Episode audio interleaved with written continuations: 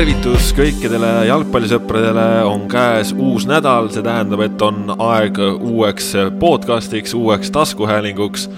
saate pikk ette ja ise järele teine osa täna nüüd teie ees siin.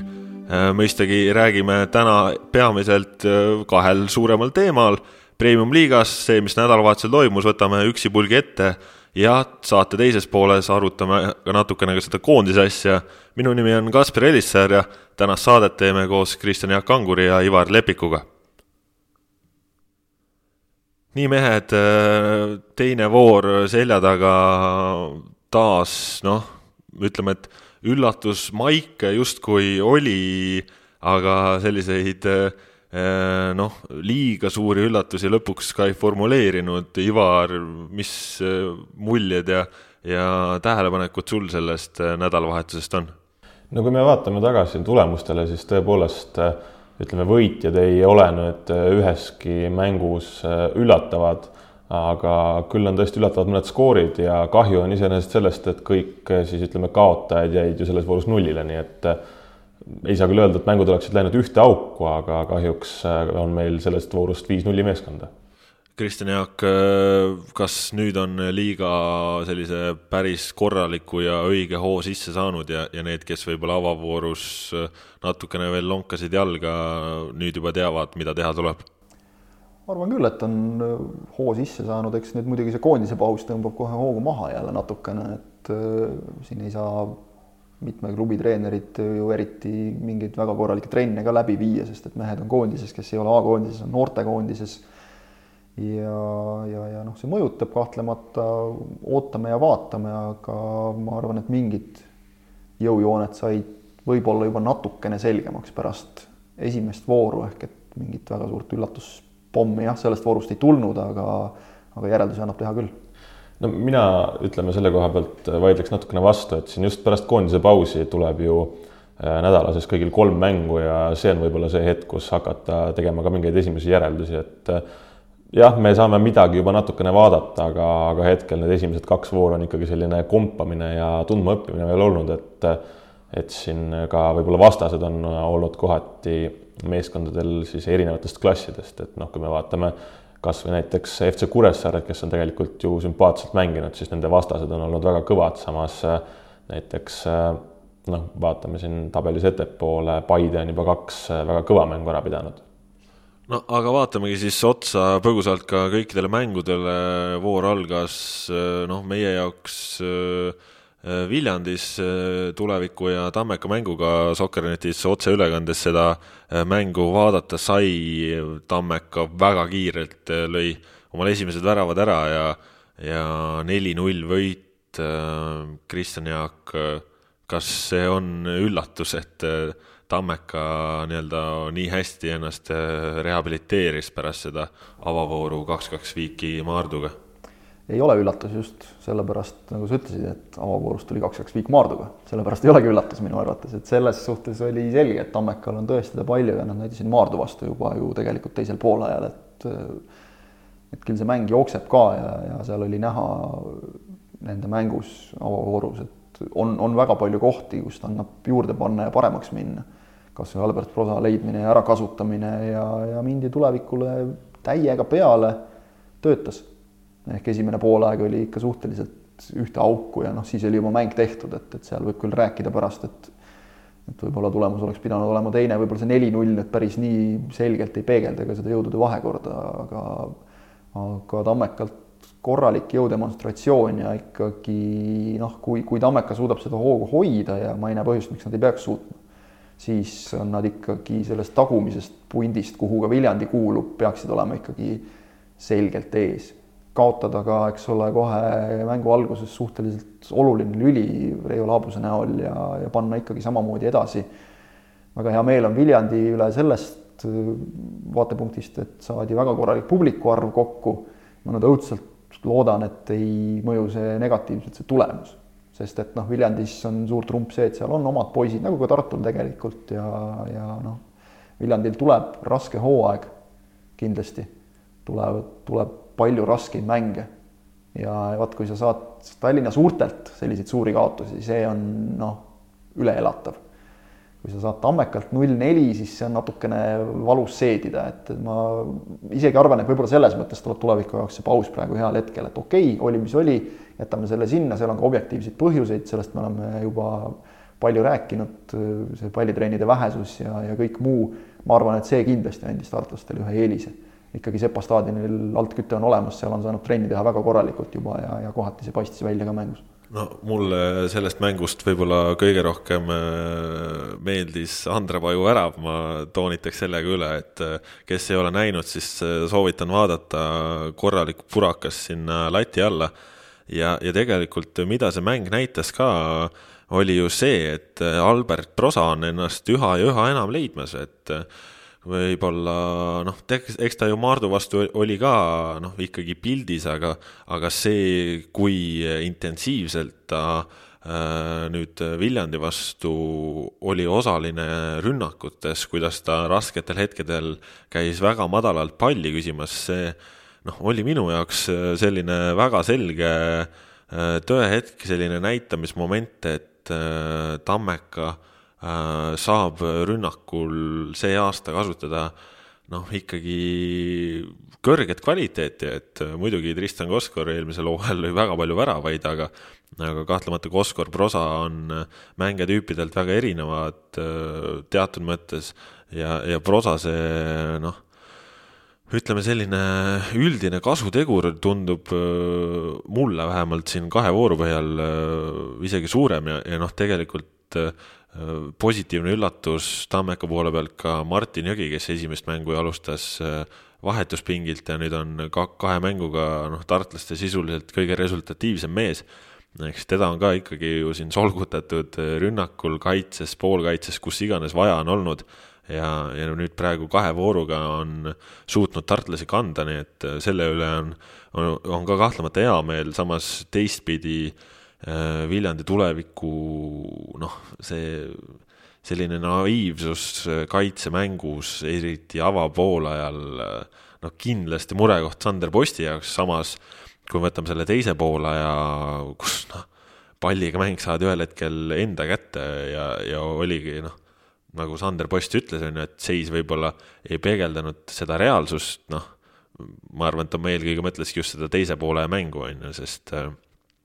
noh, Tammeka ikkagi momente, momente lõi, aga, aga see oli jah, selline äh, tuleviku helgem, helgem moment, mille peale siiski oleks vaja ehitada oluliselt palju konkreetsust. see prosa Koskori teema, ma tuleks korra selle juurde veel tagasi, et kes vaatas esimest mängu, äh, Tammeka üks värav tuli sellest, et äh, prosa tuli keskväljale pallile vastu, pööras ja andis kohe väga terava söödu äärele. see on asi, mida ma pean ka Tristan Koskorist kui mängijast väga lugu, aga asi, mida Koskor ei tee, ta ei ole seda tüüpi mängija, täpselt nagu sa ütlesid. ehk et selles mõttes on jah, Koskorist jäädi ilma, ikkagi kui sa lööd kahega algava numbri väravaid, siis see on suur kaotus, aga ausalt öeldes ma ei näe mitte mingit põhjust, kui ka Prosa ei löö nii palju väravaid ise, siis ehitab ta neid teistele, võib-olla isegi see ei kajastu alati statistikas, aga tema mängustiil ja noh, tema eh, heas mõttes noh, haalsus, tema kogemused see on ikkagi tohutu samm edasi, Koskor on äh, pigem äralööja, mis mulle on Koskori puhul väga meeldinud, kui ta on ka koondises käinud, ta on endale väga selgelt teadvustanud ja sellega välja öelnud, seda ei tee paljud mängijad, et seda avalikult välja ütleksid. Äh, mis on tema miinused, puudujäägid, kus ta peab juurde panema, kus ta peab rohkem tööd tegema, ma väga loodan, et, et kogu see lepingu jant, mis, mis, mis nüüd kaasnes selle ebaõnnestunud käiguga sinna, vaata teisele poole maakera peaaegu et, et see saab mingi lahenduse ja ta saab mängida, sest tal on seda vaja, aga, aga prosa puhul jah, ma arvan, et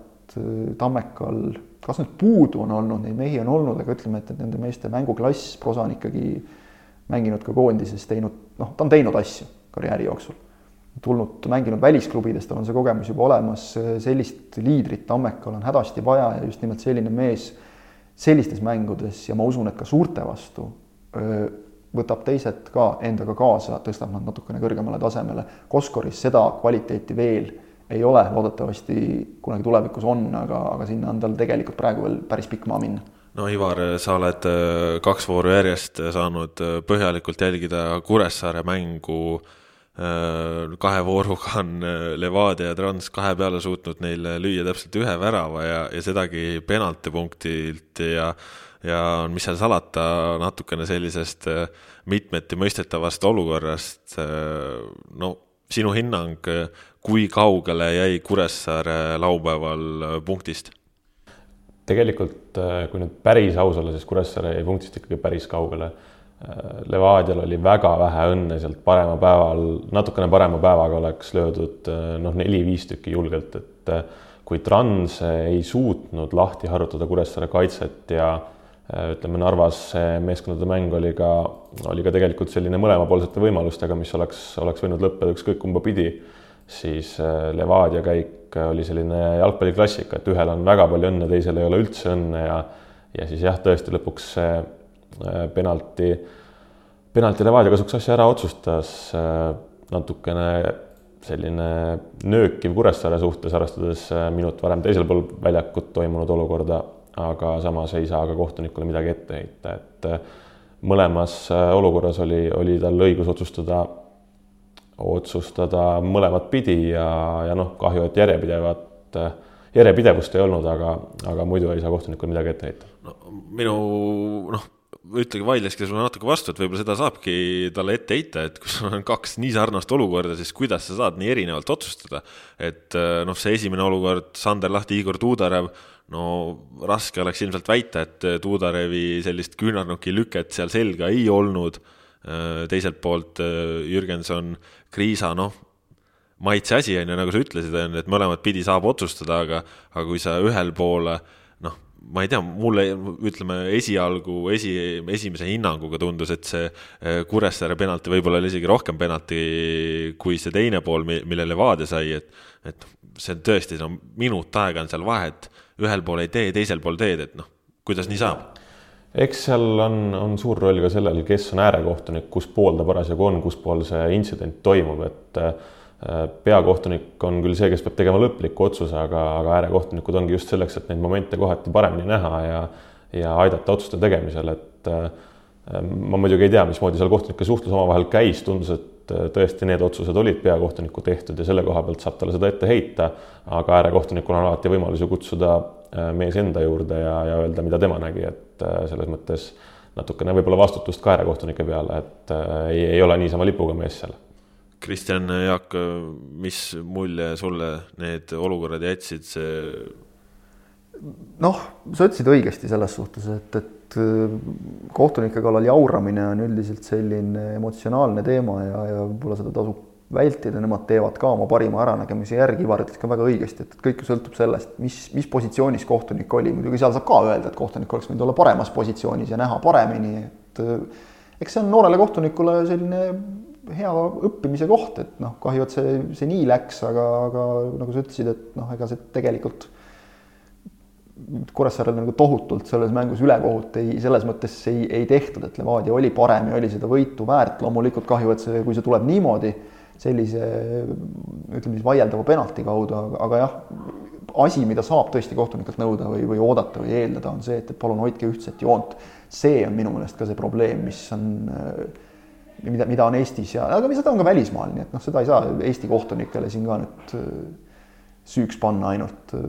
noh, ma, ma ei teeks sellest liiga suurt draamat selles suhtes, et jah, juhtub, kus me neid kohtunikke ka muud moodi koolitame, kui võib öelda, et ah, mine vilista esiliigas, eks ole, noh, see on esiteks solvav esiliiga suhtes ja teiseks äh, kohtunik peab need kogemused kuskilt saama, ega Kristo Tohver või, või siin Hannes Kaasik või kes iganes on meil Euroopas vilistanud, ega, ega nemad ei ole ka Eestis ainult õigeid otsuseid langetanud, nii et ma olen täitsa kindel, kohtunik võtab selle olukorra kaasa, vaatab üle ja teeb oma järeldused sellest. Jah, ja kui me nüüd konkreetset olukorda vaatame ka selle nurga alt, siis ju Karl Koppelil avavoorus oli esiliigas Järve ja Flora duublimäng, mis oli selline paras triller ja kindlasti raske, raske Äh, iga kohtuniku jaoks, nii et järelikult ta pidi seal väga hästi hakkama saama, noh kahjuks meil video sellest mängust ei ole, on ju, aga. tegelikult on, äh,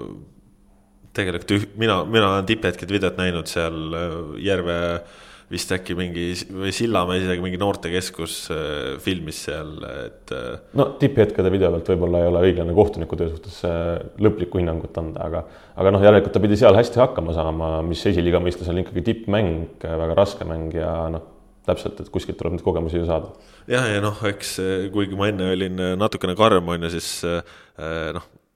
reaalsuses äh, ei saaks öelda, et ta midagi karjuvalt äh, valesti oleks teinud, et noh, see tõlgendamise küsimus, aga aga tõesti jah, ma selle nurga pealt olen nõus, et äh, Eesti kohtunikel just eelkõige see, et, et sa hoiad ühtlast liini kogu mängu vältel, see on väga oluline asi ja noh, eks me tegelikult ju teame, et nad teevad selle kallal tööd ka, nii et see selleks, laupäevane kõige viimane mäng, Narva Trans, Tallinna Kalev, narvakatele neli-null võit, korralik noh, selline mitme mehe soolomäng, Julius Kasparavitsus, Leedu, Leedu legionär näitas oma taset, Joosep Saliste näitas oma taset ja ja Erik McWoods näitas sellist kiirust, et isegi Mikko Pubertil jäi suu lahti. Kristjan Jaak, sina seal kohapeal olid ka. Kas Trans nüüd näitas ära, et äh, pärast seda avavooru noh, ikkagi kergemat sorti fopaad, et äh, ikkagi osatakse väravaid lüüa? noh, nagu ütlesin mulle pärast mängu nii Joosep Saliste kui ka, kui ka peatreener, et Dmitri Skalašnikovs, et et me lihtsalt lõime nüüd ära need võimalused, mida me Kuressaare vastu ei löönud, okei okay,, noh, neid nii üks-üheselt võib-olla ei saa öelda, nagu sa ütlesid, Ivar, õigesti enne ka, et Kuressaare mäng oli, oli tasavägisem ja, ja võib-olla noh, nii häid võimalusi nii palju ei olnud. Transil, ma ise panin Kalevi eh, küll hooaja ennustuses, kuna ma endiselt usun, et, et kui neil on jama majas, siis nad suvel täiendavad ennast, panin kõrgemale aga ma julgeksin öelda, hetkel on nad puhtalt lihtsalt oma nooruse ja kogenematuse tõttu ikkagi noh, kui mitte viimasel kümnendal kohal tabelis, siis, siis eelviimasel. sest et okei okay,, mängud on ka olnud tõesti rasked, Levadia ja, ja Trans ei ole lihtsad vastased, aga noh, see klassivahe on ikkagi olnud näha. müts maha selles suhtes, et Kalev on kõvasti võidelnud mõlemas mängus, võitlesid ka Transi vastu, loomulikult kui sa lased endale poole keskel nelja-viie minuti sees kaks tükki ära lüüa, siis äh, see tõmbab masti maha natukene. Võideldi edasi, see mäng oleks tegelikult võinud võtta väga huvitava pöörde, kui äh, pärast seda, kui Abdullahi Diallo ja Brandon Bachmann said äh, karistusalas kokku väga teravalt ja, ja tugevalt ja jõuliselt, kordust vaadates võib-olla isegi Mikko Puparti otsus penaltit mitte anda oli igati õige loomulikult kalevlastel oli oma arvamus sellest, kui sul ikkagi mees vigastusega platsilt lahkub, siis tundub, et see nagu lööb templi alla, et, et selge, see oli viga, no ei pruugi ju olla tingimata. Oleks sealt tulnud penalti, oleks-poleks, isegi Dmitri Kalašnikov ütles, et, et vot see oli täpselt see hetk, et see mäng oleks võinud minna hoopis teistpidi, et me ei saa kunagi mõelda, et nüüd see mäng on meil käes. teisel poolel juhtus sisuliselt sama, mis Levadia vastu Kaleviga, nad väsisid. Trans teist poolega tegelikult kontrollis juba täielikult Marko Meerits vist sekkus, ma ei tea, kaks-kolm korda äkki tõsisemalt mängu. oleks võinud lüüa rohkem. mis Transi puhul torkas silma, sel hooajal mulle tundub, et sealt võib ikka väga-väga mitmest rauast pauku tulla. ehk nagu sa ütlesid, Salistelt kaks väravasöötu ja siis karistuslöögi teenimine ehk Fantasy's väravasöötude kübaratrikk. McWoods oleks võinud lüüa veel okei okay,, võib-olla ta ei ole Eesti liigas kõige kiirem mees siin. Jede ka eelmisel hooajal Paide eest tegi väga kiireid liigutusi ja neid noh, ütleme neid kiirelt jooksvaid poisse, neid on siin ennegi nähtud.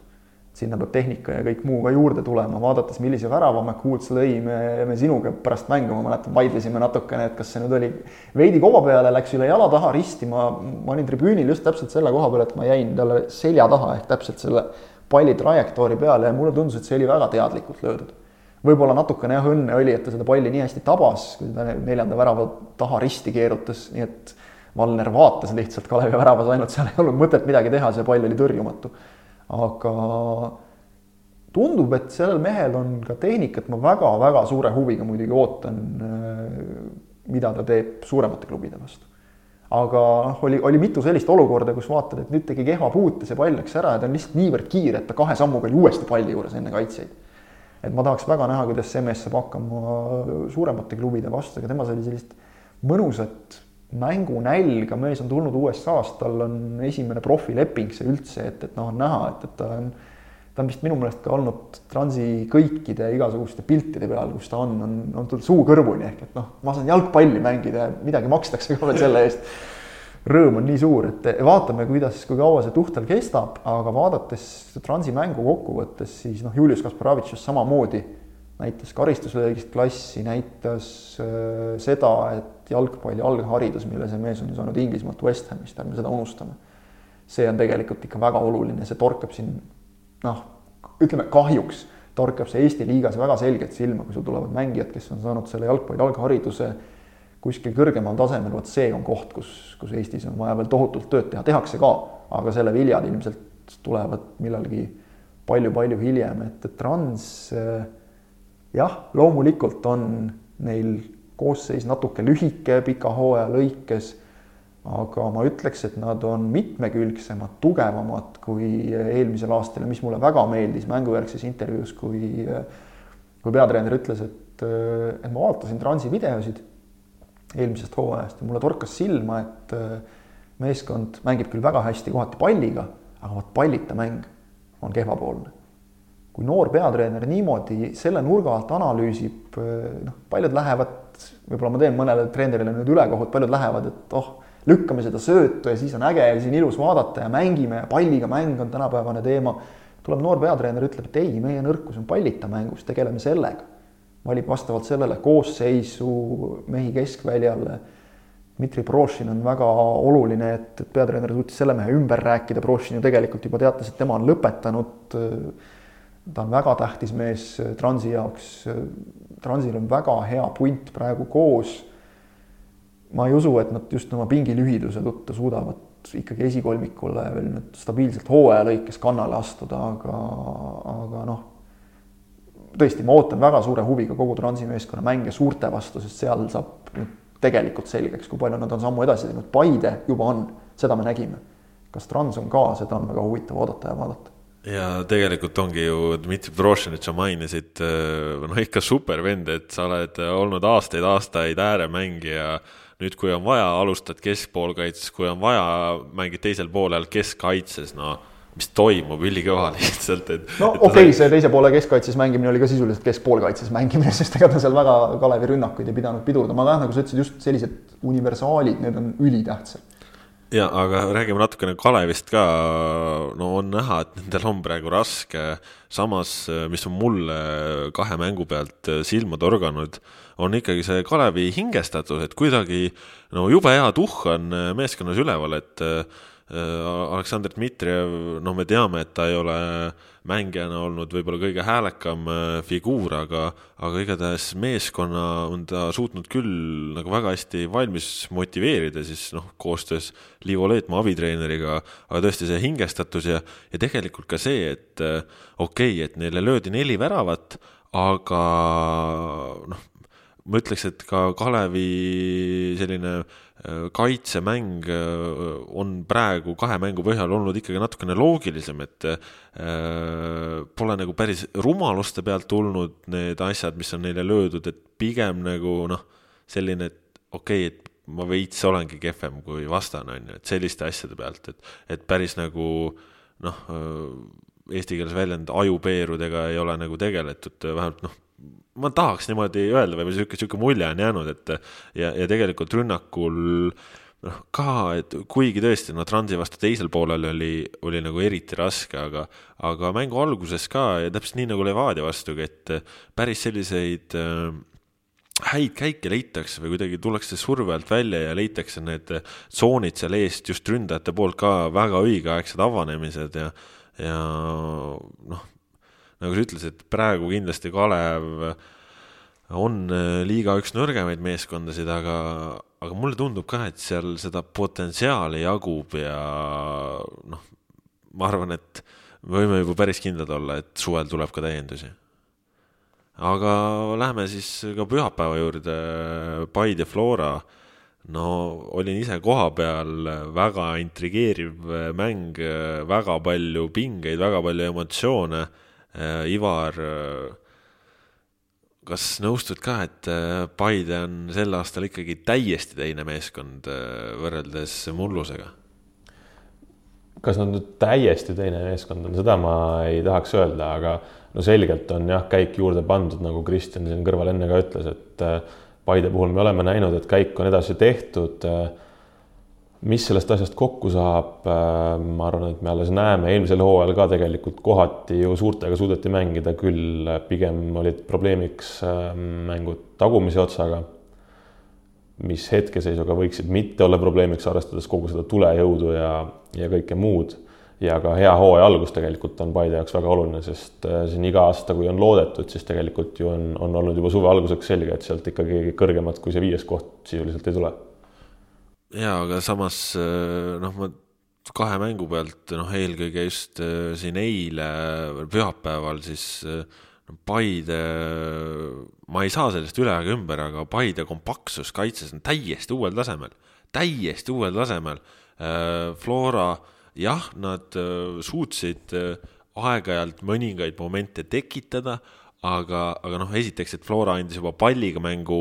Paide kätte ja siis, kui ise pall saadi, siis no ei leitud ka nii lihtsalt neid lahendusi ja keda ma eriliselt tahaks välja tuua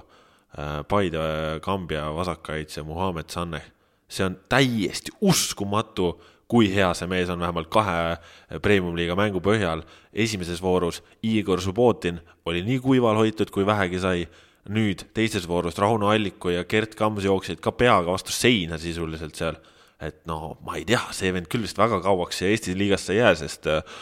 no kaks noh, raskemaid proovikive on siia hooaja algusesse nagu või võimatu üldse leiutada sinna midagi ja ta on nii hästi hakkama saanud. Äh, ta ei ole kõige pikem, aga ta on tugev, kiire, valib hästi kohta. No ma olen, ma olen tõesti, ma olen väga positiivselt üllatunud, sest äh, noh, kui me siin äh, oleme rääkinud siin eelmiste hooaegade lõikes on ju eelmise aasta alguses Abdul Karim Conte Tallinna Kalevis, et nii noort ja sellise tasemega keskväljameest ei ole võib-olla Eestis ammu nähtud. ütleme, et aasta teises pooles kiideti ju väga ka Kalevi Steve Kingoet, siis nüüd Muhamed Saneh. no kui sa oled nii noor, siis minu arust just see stabiilsuse leidmine on selline kõige keerulisem. aga kui sa oled suutnud kaks nädalat juba järjest hiilata, siis no minu jaoks lihtsalt Paide poolt ülisümpaatne käik ja ja noh, Paide mäng ka rünnakul, ma ütlen, nad jäid Flora vastu ikkagi hätta, sest äh, Jürgen Henn ka väga targalt ütles ka ise pärast mängu, et, et pärast seda üks-null Martin Milleri juhtväravat oli nende plaan äh, hoida tagaasjad kinni lukus ja mitte pea ees rünnakule minna ja täpselt seda ka tehti, et äh, Märten Kuusk, Markus Sepik, keskkaitsepaar, no ilmselt mitte just paljude jalgpallisõprade selliste unistuste duo, aga noh, suurepäraselt said hakkama, et seitsmeteistaastane Sepik, teine premium-liiga mäng, teine mäng taganullil, Alassana Jata, kes Nõmme Kalju vastu noh, tegi mõnes mõttes, mida ise tahtis, oli kinni, Märten Kuusk, noh, suurepärane duellides tõesti noh, ma ütlen, sellist Märten Kuuske ei ole ikkagi mõnda aega juba näha saanud. noh, eks Kuusel on ilmselt eelmisest hooajast mängunälg ka päris korralik ja, ja, ja kaua sa siin isegi Floras, kus on noored mängumehed ka, kaua sa seal ikka see noor ja lootustandev oled, tuleb täpselt selline sepik duublist ja võtab su koha, Hendrik Pürg on ka olemas veel ja ja istudki jälle pingil, nii et Kuusel on vaja ennast kindlasti tõestada ja, ja väga meeldiv on jälle näha, sest noh, Kuusk on ikkagi selgelt koondise meeste ringis juba stabiilselt sees, ma julgen öelda, ja Martin Rein temaga arvestab, nii et mida rohkem ta mängib, mida paremini ta mängib, seda parem on, aga see, mis sa rääkisid äh, Sanehi kohta ja ja noh, mis ka, mida võib ka Jata kohta juba öelda ja mida võib öelda Paide selle pika ja keerulise nimega Kurutsaga. Kurutsaga jah, Baiskist keskkaitse kohta, siis ainult hea meel on näha, kui tuuakse välismängijaid, kes on tõesti selgelt kohalikest üle ja, ja Paide on saanud selles mõttes praegu tasakaalu kenasti paika, et, et on neid oma poisse, Eesti poisse toodud juurde, häid mehi on, on toodud välismaalasi sinna, kuhu vaja on, et see ma üldse ei alahindaks või, või, või ei vähendaks selle osatähtsust ka, et, et suudeti Samson Jede aidata siit edasi, aidata ka iseennast selle kaudu natukene, ega Paide-sugusele klubile, noh, me teame, sul on see neljas koht, kus sa võid eurorahad saada. kui sa sinna ei saa ja sinna ikkagi konkurents on kõva Trans, Paide, Tammeka ka sihib samamoodi seda neljandat kohta. kuskilt sa pead midagi nagu juurde tekitama endale, mingeid sissetulekuallikaid ja, ja Paide on väga selgelt ja väga targalt minu meelest suuna sellele võtnud. ja noh, kui vaadata praegu, siis tundub, et skauting on suhteliselt heal tasemel, kui sa selliseid mehi suudad siia tuua nagu Jede ja ja noh, ega ju tegelikult eelmisel hooajal ka Jan-Michael Jao ei mänginud üldse mitte halvasti ta on praegu vigastusega eemal, peaks vist olema, eks ole, aprilli keskelt tagasi. ja tal praegu isegi kips äh, jala ümber mm, -hmm. nii et äh, teda jah, mõnda aega ei näe. et, et noh, kui tuleb see mees ka tagasi, siis, siis on sul valikuid ja, ja Paide muidugi trump ongi see, et äh, pikem pink, mis omakorda tekitab sisemise konkurentsi, mis on alati hea. Ja tõesti, eks muidugi siin Flora vastu aitas ka natukene see Paide kunstmuruväljak, mis noh, on selline, et mängida kannatab, aga võiks parem olla ta on vist ka natuke väiksemate mõõtmetega, kui ma ei eksi, eks ole, et, et noh, seda, mainisid vist kõik praktiliselt pärast, pärast kohtumist ka, ka Paide oma mehed, et me teame, et see on meie väljak, ehitati mäng sellest lähtuvalt üles. Noh, näitab jälle treeneri tarkust ka, ma, see mu enda kogemus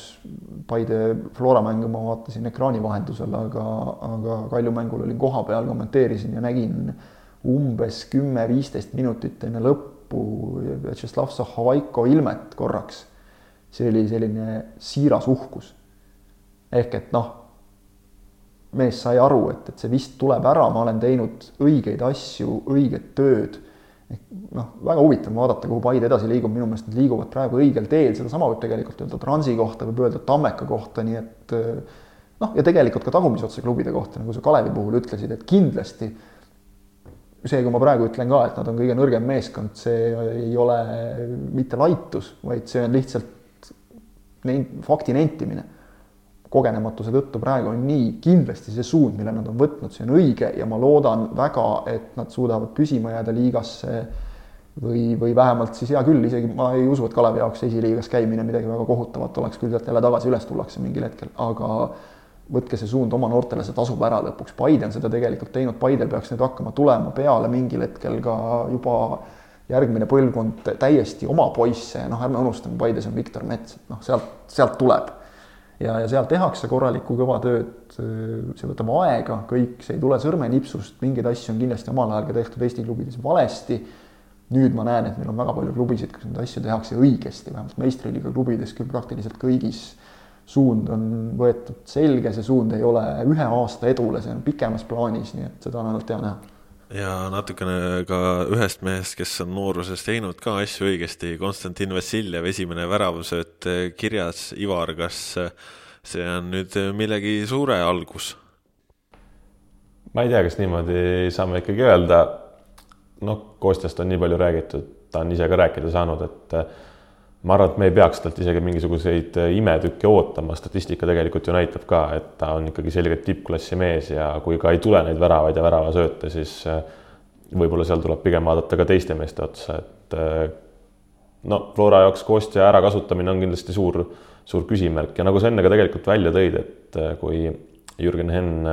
pärast väravat siis otsustas seda üks-null edu kaitsma hakata, tegelikult ju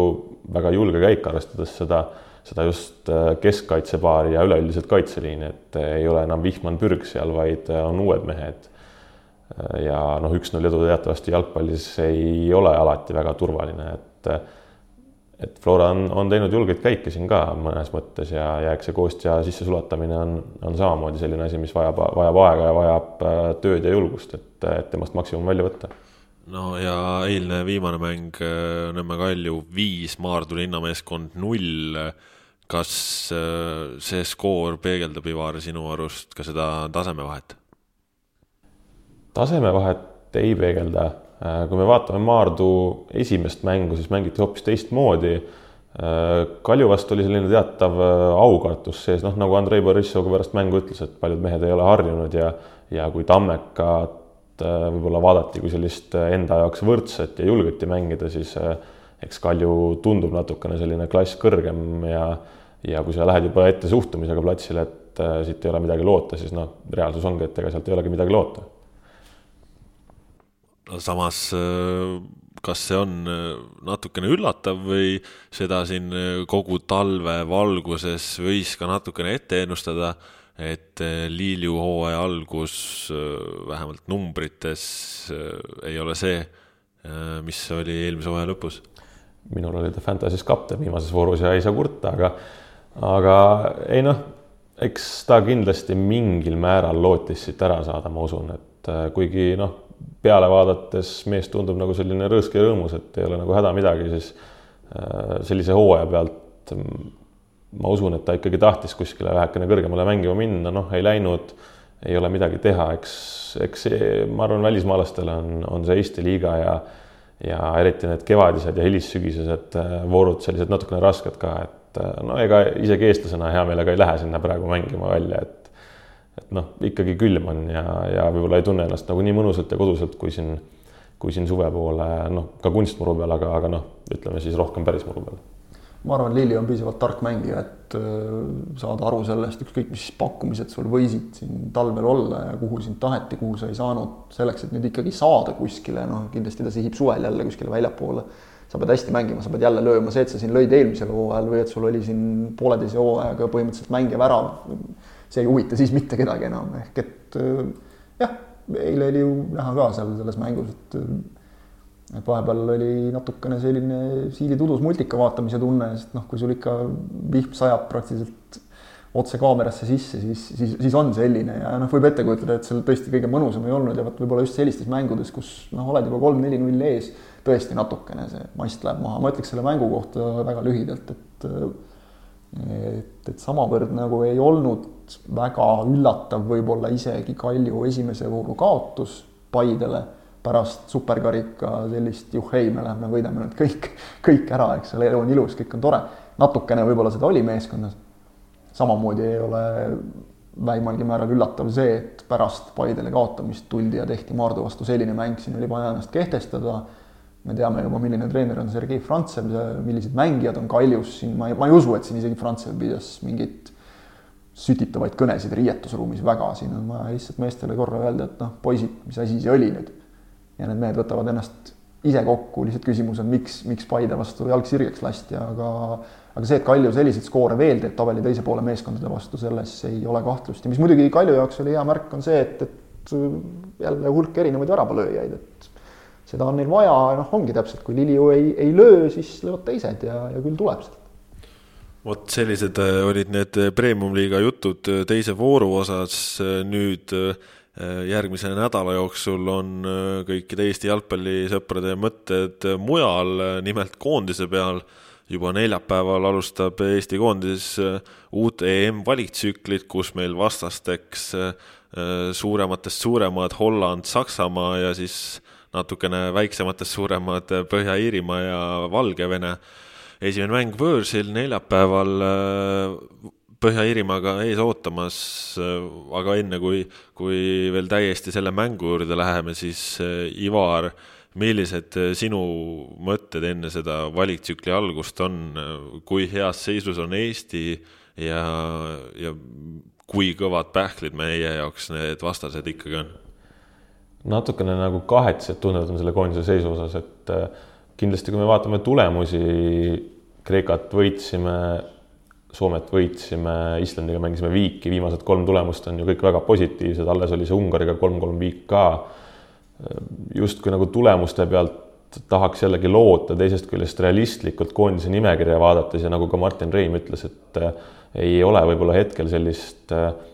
võtmemängijad, kes tuleks ja, ja teeks siis, kui on raske olukord, et kindlasti valikmängud on hoopis teine asi kui siin kontrollmängud või noh, ka see Kreekaga kohtumine tegelikult ju ei otsustanud enam suurt midagi, et äh, võiks ju loota, et on Mattias Käit nüüd tagasi, kes tuleb ja teeb. Äh, saame näha, mis vormis ta on, kas ta suudab jätkata sealt, kus ta koondises pooleli jäi või, või mitte, aga, aga noh, ma usun, Käit, Käit võiks olla selline mees ja ja eks meil neid äh, teisi potentsiaalseid kandidaate on, on veel, aga, aga just ongi see aeg, et kellelgi tuleb äh, esile tõusta. kui me vaatame üldiselt äh, seda alagruppi, siis noh, loos meil ei halastanud. Saksamaa ja Hollandi vastu mängimine tundub juba eos suhteliselt võimatu. heal juhul võime sealt piiki püüda. aga samas meil on ilusti valiktsükli, valiktsükli alguses kaks mängu Põhja-Iirimaaga, kui me need suudaksime mõlemad võita, siis noh, siis me räägime hoopis teist juttu juba kindlasti, et Valgevene on, on meiega, ma arvan, enam-vähem võrdne meeskond, Põhja-Iirimaa võib-olla gramm tugevam, aga, aga jah, ütleme, et esmane eesmärk ikkagi peaks olema siin äh, grupis siis äh, vältida viimast kohta ja kolmas koht on selline realistlik siht, millega võib rahul olla, ma arvan. Kristjan Jaak, nõustud sa Ivariga? suuresti sama jah, kui sai selgeks selle alagrupi koosseis, siis ma arvan, et, et see oli paljudel Eesti jalgpallisõpradel umbes sama emotsioon oli ka mul, et äh, ühtepidi on jube hea meel ja teistpidi on natuke hirm ka. ehk et kui sa vaatad äh, Saksamaa, Holland, see on väga, väga äge, et me näeme neid meeskondi Lillekülas ja, ja üldiselt ju tegelikult Eesti koondis kodus selliste suurtega on, isegi kui skoor on läinud, ütleme noh, null kolmeks või mingiks selliseks, siis on ju, on ju viisakalt mänginud, ehk et see, see on nüüd küll see koht, kus noh, ma ei tea, kas seda on isegi vaja üldse üle rõhutada, aga aga on vaja tulla ja toetada lihtsalt, ükskõik kuidas need eelnevad mängud lähevad, loomulikult jube palju abi, nagu sa ütlesid, oleks ka emotsionaalses plaanis just sellest, kui kui me saame, ütleme noh, isegi Põhja-Iirimaa vastu, noh, ma ei tea, mina oleks isegi väga õnnelik, kui me saaksime näiteks kaks punkti sealt kätte kahest mängust, kaks viiki. see oleks väga okei okay.. kui juba võit tuleb, siis, siis see on juba väga hästi. aga jah, Valgevene on, on tõenäoliselt tõesti meiega umbes sama masti meeskond, vot Valgevene vastu on see, et noh, näiteks kodus on kohe kindlasti väike võidukohustus. teisi mänge, no ma ei ütleks, et meil isegi Põhja-Iirimaa vastu on siin ikkagi finaalturniiridel käinud meeskond nüüd siin lähiajal, et meil oleks ka kodus võidukohustust tingimata viigikohustus võib-olla on, aga, aga võidukohustust ma ei usu, et, et see annab üsna hea sellise pingevaba põhja ja no ma usun, et Eestis on päris palju neid, kes on juba ammu kuulutanud kuskilt maha, et, et viimaseks me selles grupis jääme, kõik punkt. et noh, mängida annab küll absoluutselt kõigiga, ma olen täitsa kindel ja, ja ei ole need Holland ja Saksamaa nüüd ka midagi nii noh, ületamatult muidugi nad on vägevad jah, aga, aga näis üldse, mis, mis seisus Saksamaa tuleb, meil minu meelest meil kuidagi ei ole Eesti koondisel ei ole nagu seda õnne, et, et kui on mingi koondis on kehv ja siis me just vaatame, et oh, nüüd me nad saime valiksarjas, siis loomulikult meil enne seda on alati mingi põlvkonnavahetus või treenerivahetus ja siis kukutakse jälle panema, nii et noh, kuidagi meil nagu ei vea sellega, et ma ei tea, kas see, loodame, et Saksamaa koondise mõõn või kriis, kuidas iganes, noh tsiteerides suuri Eesti riigimehi, siis selles kriisis võiks ise ka elada nagu täiesti, kui see on kriis, aga aga loodame, et see kestab veel ja kestab nii kaua, kuni nad siia Lillekülla ka ükskord jõuavad, aga aga mängida nendega kannatab kodus kindlasti ma noh, jah, olen Ivariga täiesti nõus selles suhtes, et ja, ja Martin Reimiga ka loomulikult, et et, et noh, kust me leiame selle Kostja Vassiljevi jälle, Mattias Käit, ma, ma ka väga loodan, et seda on, ta on saanud nüüd viimastes Fulami U kakskümmend kolm mängudes küll, aga noh, saagu sealgi ja üldse tegelikult Fulamis on ta saanud mängida väga paljudel erinevatel positsioonidel, viimast mängu siin Leeds Unitedi vastu näiteks üldse rünnaku tipus, et, et äh, noorele vahel kipub nagu meelest minema, et ta on ju tegelikult veel väga noor ja endiselt arenev mängija. noorele arenevale mängijale see on kindlasti väga kasulik äh, ja, ja seda me oleme näinud seda tegelikult koondise mängudes ka, et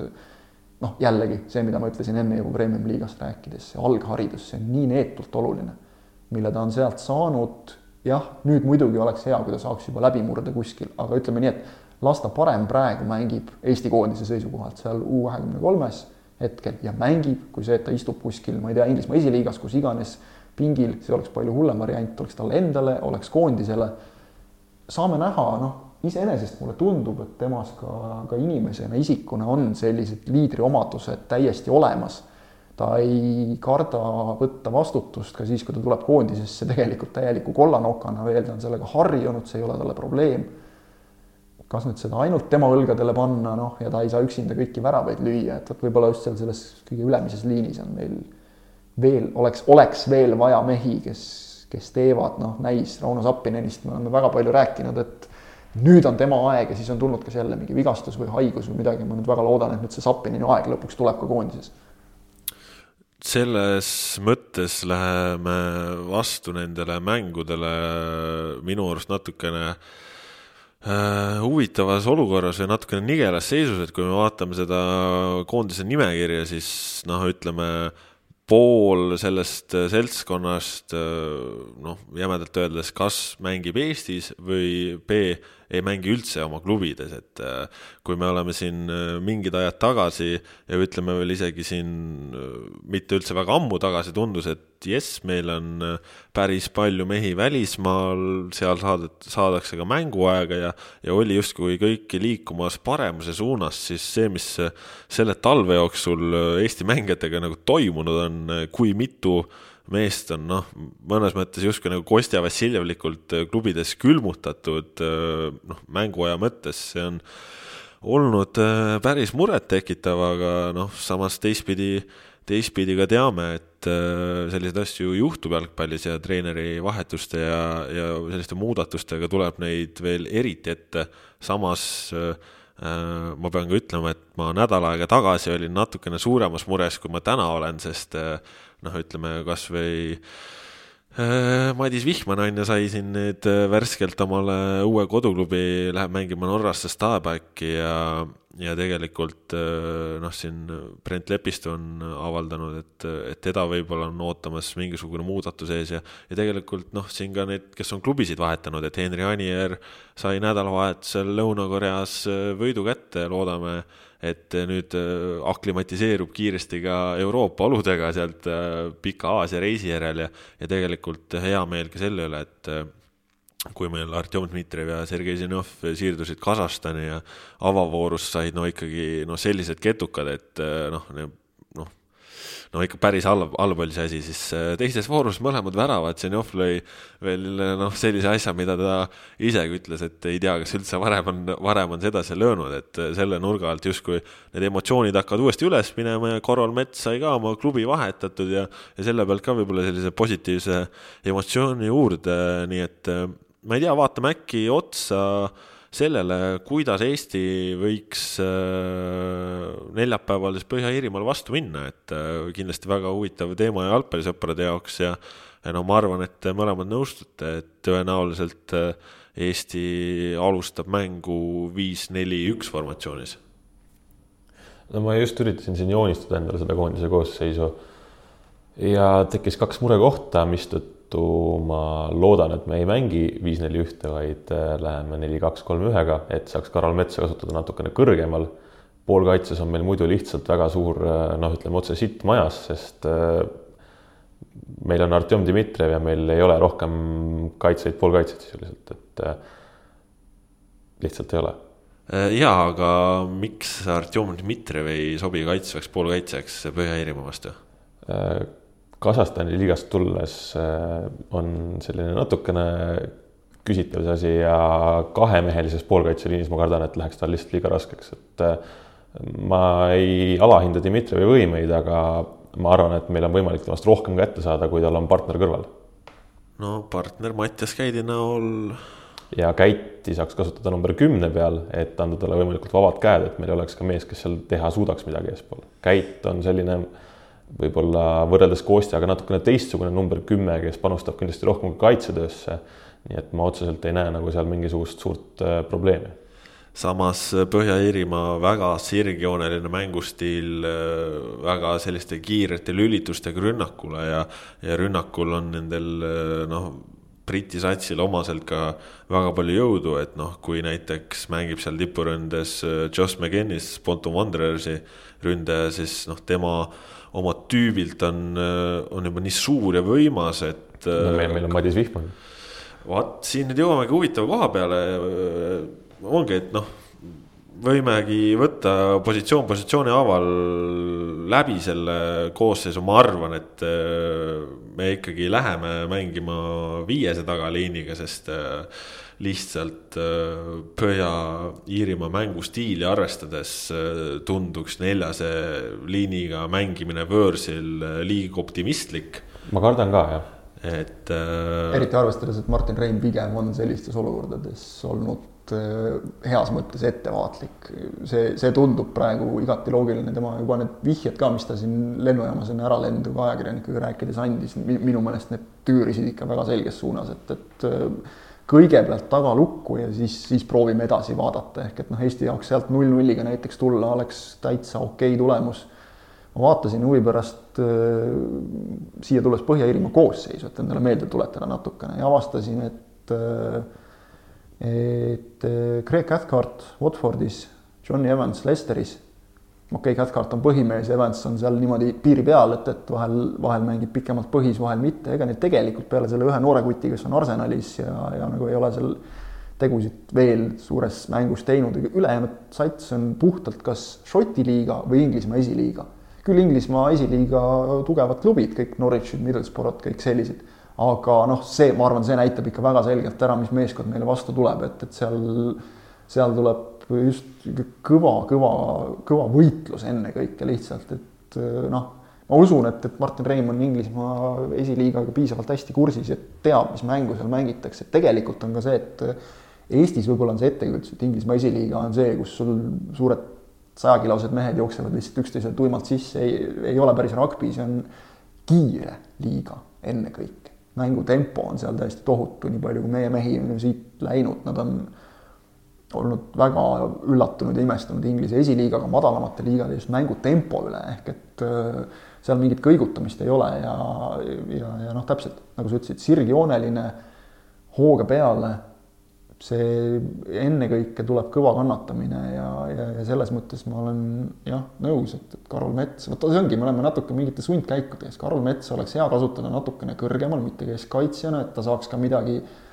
noh, vajadusel ka natukene teha seal kuskil ettepoole ehitada, samas Käit, kes teeb jah, kaitsesse kõvasti tööd tagasi,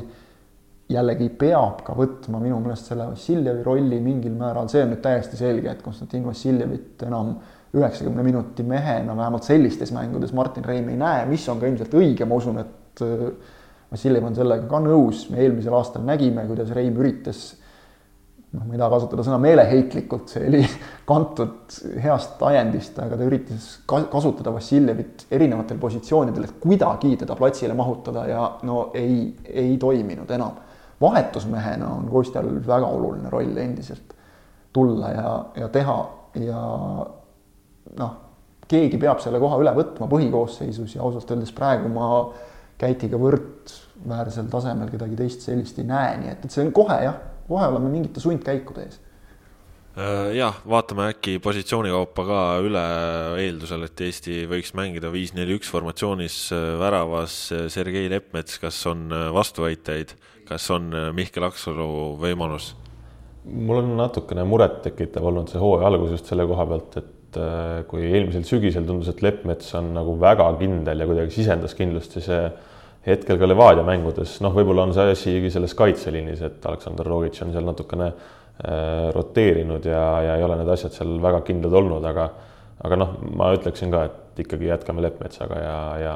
praegu ei näe ühtegi põhjust, miks talt seda kohta ära võtta. äärekaitsjad, äh, mina pakun Taio Tõniste, Artur Pikk, kas on vastuväiteid? ega ei ole küll seal, seal ei ole väga palju midagi arutada, tenniste koht on ilmselt ma ei tea, kui mitu aastat juba küsimärgi alt väljas selles suhtes ja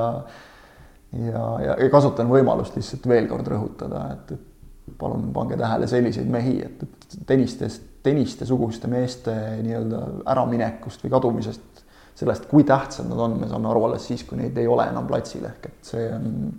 see on väga oluline, et meil selliseid mehi on ja ma arvan, et, et jah, teises äärekaitses ka ei, ei tohiks olla küsimusi ja nüüd see kõige huvitavam koht, äh, kolm keskkaitsjat äh, ja me peame siia võrrandisse ilmselgelt lisama ka kaitsva poolkaitse koha. suur küsimus, kas Karol Mets mängib keskkaitses, kas ta mängib poolkaitses käidi kõrval, sest noh, oleme ausad, meil on ju tegelikult võtta noh, kasvõi Kreeka vastu mänginud trio sinna taha, Joonas Tamm, Nikita Baranov, Madis Vihman ja noh, kui me arvestame just seda põhjaiirlaste mängustiili, noh, seal võib ka Will Greig ise tulla ja hakata tegema, et meil on vaja panna kinni just see õhuvõitlus, meil on vaja õhus domineerida. Äh, ja noh, me teame, et, et Baranov on jalaga tubli, Tamm on jalaga hea, et kas, kas sinna vahele on veel vaja metsa või me võiksime metsa tõsta kõrgemale, et oleks ka noh, sealpool äh, seda kindlust, äh, sest noh, äh, Madis Vihman, me peame tõdema, et on ikkagi astunud samme edasi ja, ja Madis Vihman võib-olla enam polegi mm, sellisel hetkel, kus Ragnar Klavan on vigastusega väljas, et, et Madis Vihman peaks jääma pingile. ma isegi natukene siin mängu spetsiifikas, et noh, oletame, et kui Mets oleks tagaliinis äh, Joonas Tammega, et siis see kolmas mees seal võiks olla ka täiesti vabalt Madis Vihman ja mitte Nikita Baranov just äh, antud mängu iseloomu arvestades. kuidas teil mõtted selle osas? mina selles mängus eelistaksin igal juhul Vihmani jah, et äh, noh, kelle asemel siis ma esialgu, selles esialgses koosseisus, kus ma neli, kaks, kolm, üks märkisin, panin isegi Vihmani ja Tamme sinna kõrvuti, et nemad on nagu tuttavad ja, ja selline toimiv äh, duo. Baranov on tubli poiss, aga ega tal Bulgaarias see algus nüüd ka kõige säravam ei ole olnud, et selle koha pealt. Äh, aga vähemalt on mänginud. Äh, vähemalt on mänginud, samas kui me vaatame, kes meil seal Bulgaarias juba on, eks ju, mehed mängivad, aga, aga sealt kedagi teist nagu koondises ei ole, et see tase ilmselt ei, ei ole ikkagi nagu päris, päris nii hea ja noh, ilmselt Martin Rein teab muidugi paremini, ilmselt on seal mänge vaatamas käidud ju Art Juunini ja ja teiste meeste puhul ka. aga, aga jah, mina helistaksin igal juhul Vihmanni siin ja, ja nüüd noh, edasi sõltubki juba sellest, kuidas me mängida tahame. mulle tekitab ikkagi natukene probleeme see idee viis-neli ühest, ma kardan, et meid joostakse lihtsalt teiste pallidega üle, et äh, ka, ka seal tekib poolkaitsjatel väga palju tööd ja, ja Mets, Käit ka paarina, ütleme ma kardan, et, et me jääme selle koha peal rohkem alla kui siis, kui me mängiksime kahe keskkaitsjaga no ma arvan, seda ei juhtu. Nii et äh, seda ei juhtu, ma, noh, ma ei, ma ei, ma ei näe seda juhtumas, et kui see juhtub, siis äh, ma ei tea, vist võin sulle limonaadi osta näiteks, aga, aga just äh, siin selles võrdluses ma ei tea, ma praegu siin mõtleme, mõtleme ja endal peas ka kogu aeg mets liigub seal ühe ja kahe variandi vahel, et ma ei tea, äkki siis ikkagi on, mets on taga noh, Joonas Tamm putitatakse terveks, pannakse käele see väike ortoos ümber või mis iganes kaitset sinna vaja on ja, ja noh, siis, siis ongi küsimus, ma ei tea, äkki isegi Vihman enne Baranov, kuigi Baranov mulle väga meeldib, et, et ta on, on tubli olnud. Kristjan, mis, kuidas sina sellele triole ja tegelikult siis ka noh, kvartetile vastu vaatad, sest me peame siin ikkagi selle kaitsva poolkaitse kohaga mängu lülitama, me ei saa sealt mööda vaadata no, no sisuliselt sama jah, et kaalud neid niimoodi ja, ja need kaalud jäävad suhteliselt tasa, et, et kõigil on mingid oma plussid, mingid oma miinused, noh, Joonas Tamm ka, hakata nüüd ütlema, et see, et ta nüüd siin selle käevigastuse tõttu ei ole võib-olla viimastel nädalatel mänginud, et noh, ega ta nüüd sellest märkimisväärselt kehvemaks ka ei lähe jällegi, eks ole, või see, et Vihman ei ole, ei ole ju tegelikult nüüd no, selle klubi vahetuse tõttu mängida saanud, ma olen aru saanud, et Norras oldi nagu Vihmanist tegelikult väga vaimustuses, et vahel on hea saada seda väljastpoolt pilku, me teinekord jääme ise siin natukene võib-olla liiga, mitte ainult fännid, vaid ka ajakirjanikud liiga kinni mingitesse asjadesse, et vot see mängija on selline, et, et noh, minul isiklikult ei, ma ei muretseks küll, kui Vihman oleks keskkaitses. Ja vot tegelikult, mis sa ütlesid, Ivar, selle Artjom Dmitrijevi kasutamise kohta, et, et see on tõesti ka minu jaoks on väga suur küsimärk, sest et Dmitrijev on kahjuks näidanud siis on jälle olnud hetki, kus tundub, et, et nüüd on kõik temaga okei okay,, et on nagu asjad peas ka korda saanud ja siis on jälle kuidagi löönud, noh, nimetame seda siis temperamendiks või millekski, löönud jälle välja see, et, et ta, ta võtab jälle kuskilt, kompenseerib üle nii-öelda, läheb mingitesse olukordadesse liiga agressiivselt ja ma natukene kardan, et, et selles samas Põhja-Iirimaa mängus tulenevalt nende stiilist see oht on olemas. ehk et noh, kas on julgust teda seal sellel positsioonil kasutada ja, ja, ja noh ma ei tea, miks, aga miskipärast ma näeksin ka hea meelega Karol Metsa mängimas natukene kõrgemal. ja, ja samal ajal jah, kui see nii on, siis, siis minul, kui on selline kolmik kaitseliinis, ega seal ma, ma, ma ei näe seal probleemi tegelikult, et eks see on noh, väga raske on seda siit praegu prognoosida, Martin Rein teab ise paremini ja ma miskipärast arvan, et, et ega tal on ka olnud ajude ragistamist kõvasti-kõvasti juba. jällegi me ei tea, eks ole jah, Bulgaarias Pero nüüd ei ole väga hästi pärast talvel pausi mänginud, aga et, et noh, ma tõesti ei ole neid mänge ise näinud, ma ei tea, kui hea või Baranov on olnud, ta on tõesti, ta on mänginud. mulle tundub, et Bulgaaria liiga on selline liiga, kus, eks see sõltub ka meeskondadest, kus on nii, et, et noh, me oleme näinud Edgar Turi ja Trevor Elhi puhul, et, et kord oled algkoosseisus, siis ei ole üldse koosseisus. Et äh, samamoodi Artjom Martjunin kortsab peale, siis võetakse poole ajal välja juba, et mulle tundub, et seal käib see asi nagu väga niimoodi, et kui sa, kui sa nagu ühe kehva mängu teed, siis sa kohe lendad pingile või, või üldse võib-olla tribüünile. see, et Baranov on seal kohta hoidnud, no võib-olla see midagi näitab, aga see on kõik nagu selline ennustamise värk, et äh, hea, et meil on neid valikuid, minu meelest hullem oleks see, kui me ütleme, et noh, siin on nii, et, et alg üksteist on see ja siis tuleb tükk tühja maad. see oleks sandim. aga aga võib-olla jah, see noh, me peame ikkagi natukene sellega ka arvestama, et okei okay,, kui ma ütlesin, et null-null oleks okei okay tulemus, siis kui me läheme nagu ainult nulli peale mängima, siis on ka natuke mage jälle, et eh, midagi võiks ju suuta ees ise ka teha mis su lõplik äh, pakkumine täna nädala alguses on enne kõiki neid koondise treeninguid, enne kõiki mängueelseid jutte, kas meil on taga kolmik äh, Tamm, Baranov, Vihman ja, ja Mets on keskpoolkaitses või on Mets keskkaitses? kui sa küsid mult, et ütle nüüd kohe, siis ma pakun, et see esimene variant ehk et taga kolmik ja Mets on poolkaitses. Ivar? mina jäin ka selle variandiga rohkem rahule okei okay,, mina siis, äh, et lihtsalt erineda, ma ütlen, et mets on keskkaitses äh, koos Tamme ja pam-pam-pam-pam, ma arvan äh, Põhja-Iirimaad arvestades koos Vihmaniga. ja läheme siis edasi, noh, teie ütlesite, et siis, et mets on üks keskpoolkaitse, mina pakun sinna Dmitrijevit, kõrval on Käit, siin ei ole ilmselt küsimust. siin jah, ei ole arutelu, et Käit on üks neist ja Dmitrijevi küsimuse me võtsime vist ka juba ammendavalt läbi ega meil tegelikult ju rohkem valikuid seal väga ei olegi, et kui me vaatame, et Kostja ei alusta, siis on ka ainult Lepistu veel ja ja Lepistu seis on selline, et, et ei ole ilmselt hetkel valikmängus alustamas. vasak äär Hendrik Ojamaa vist ei ole ka konkurenti, arvestades, et Siim Luts on vigastusega eemale jäämas. ei tohiks olla jah, ja, ja isegi kui Siim Luts oleks terve, siis Ojamaa on, on Poolas mänginud stabiilselt Luts on noh, ka klubis natukene sellises keerulises seisus, sest et praegu ta ilmselt mänguaeg ei jääks isegi, ei, ei oleks väga suur isegi siis, kui ta oleks terve. nii et noh, selles mõttes on sant, et Lutsu ei ole, et, Remil on pingi pealt üks käik vähem võtta, aga aga jah, Ojamaa, noh, ma, ma tahaks küll uskuda, et nüüd on lõpuks kõik temas kahtlejad vaikima pannud, sest et noh, ka see ikkagi mingi küpsus, mis on viimaste aastatega tulnud mis muidugi võib-olla noh, noh ta ise vist ütleb, et on kogu aeg olnud tegelikult, aga aga välja on võib-olla isegi vahel natukene paistnud võib-olla ebaõiglaselt tema suhtes. et seda justkui ei oleks, et, et see on jah, ta on, ta on ennast ikkagi nüüd tõestanud kui väga-väga väärt mehena koondise jaoks ja, ja kindla põhikoosseisu mehena parem äär, kas me julgeme minna Põhja-Iirimaa vastu sedasi, et meil on ühel äärel Ojamäe, teisel Sergei Zenjov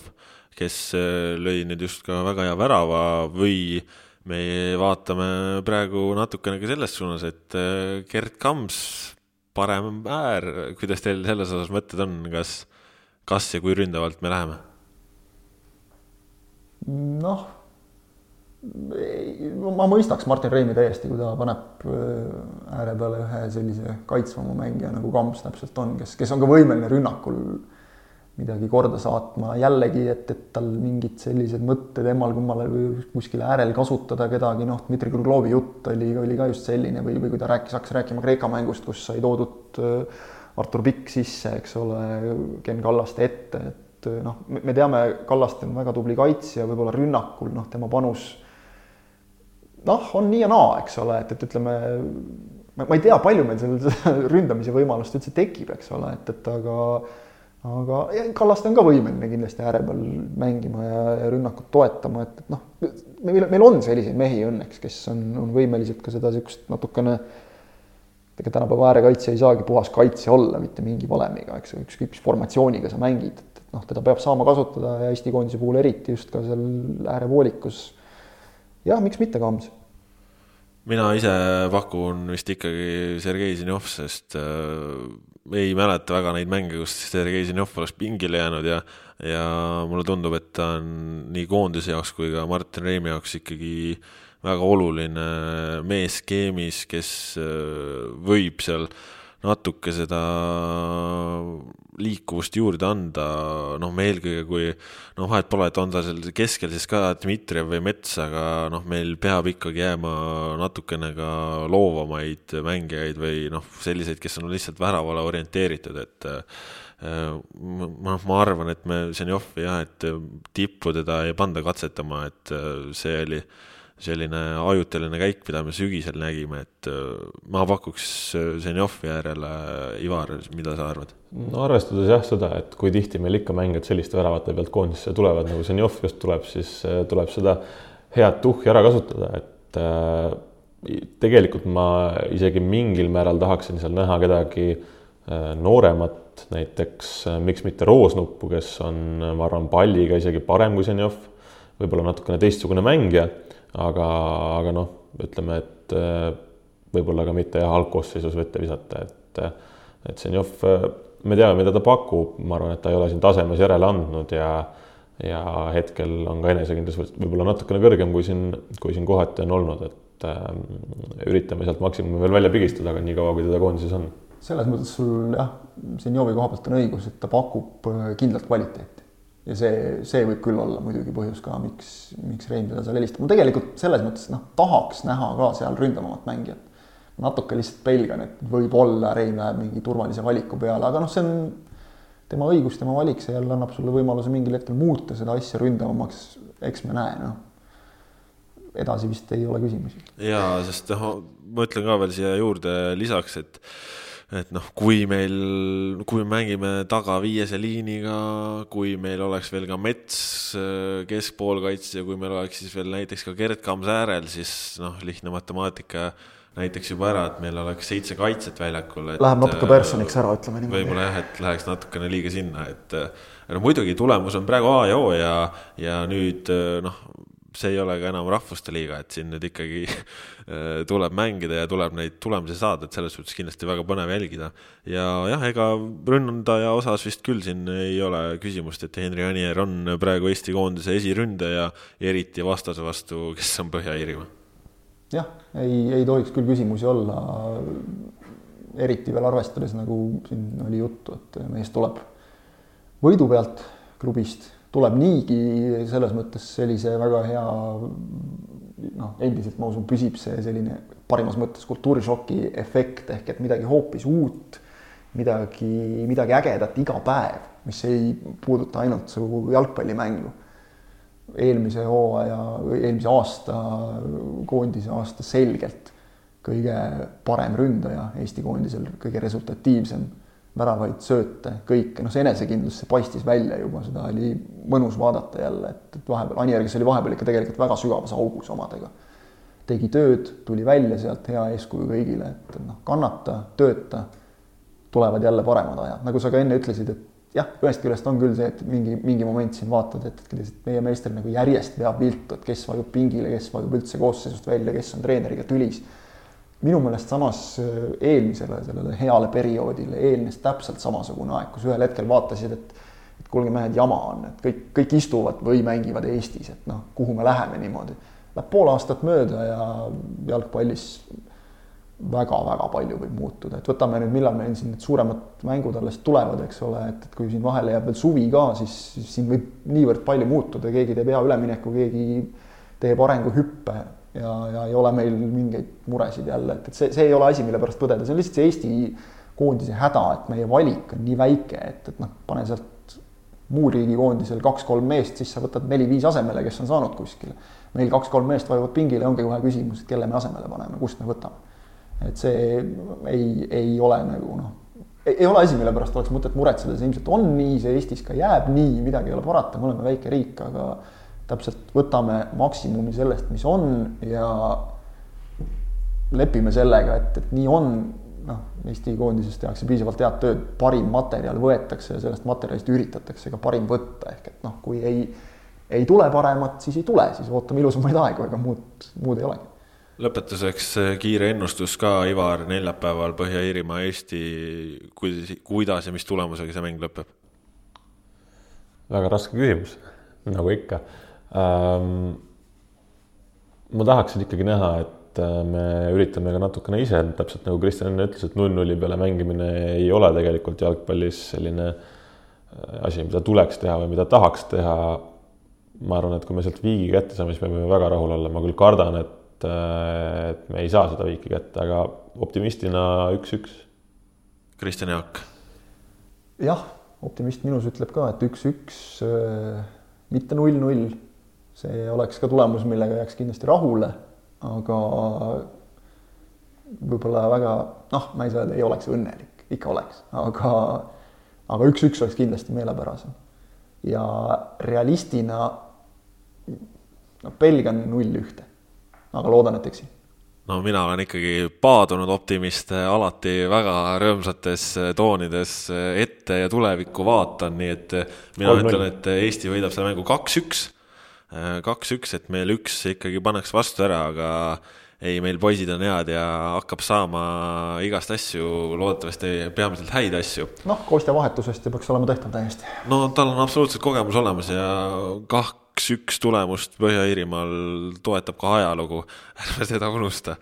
nii et äh, vot sellised olid meil koondise jutud äh, täna siin kindlasti tasub teil Sokkerneti lainel olla, on meil seal omad inimesed koha pealt ka kõiki neid emotsioone ja sündmusi vahendamas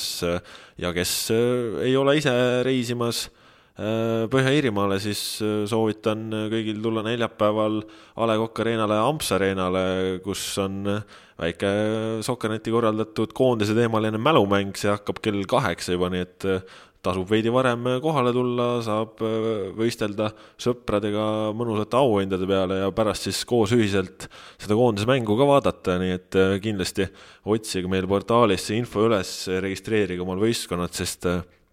arvata võib, et huvi selle ürituse vastu on suur. selline oli siis saade number kaks taskuhäälingu sarjast Pikk ette ja ise järele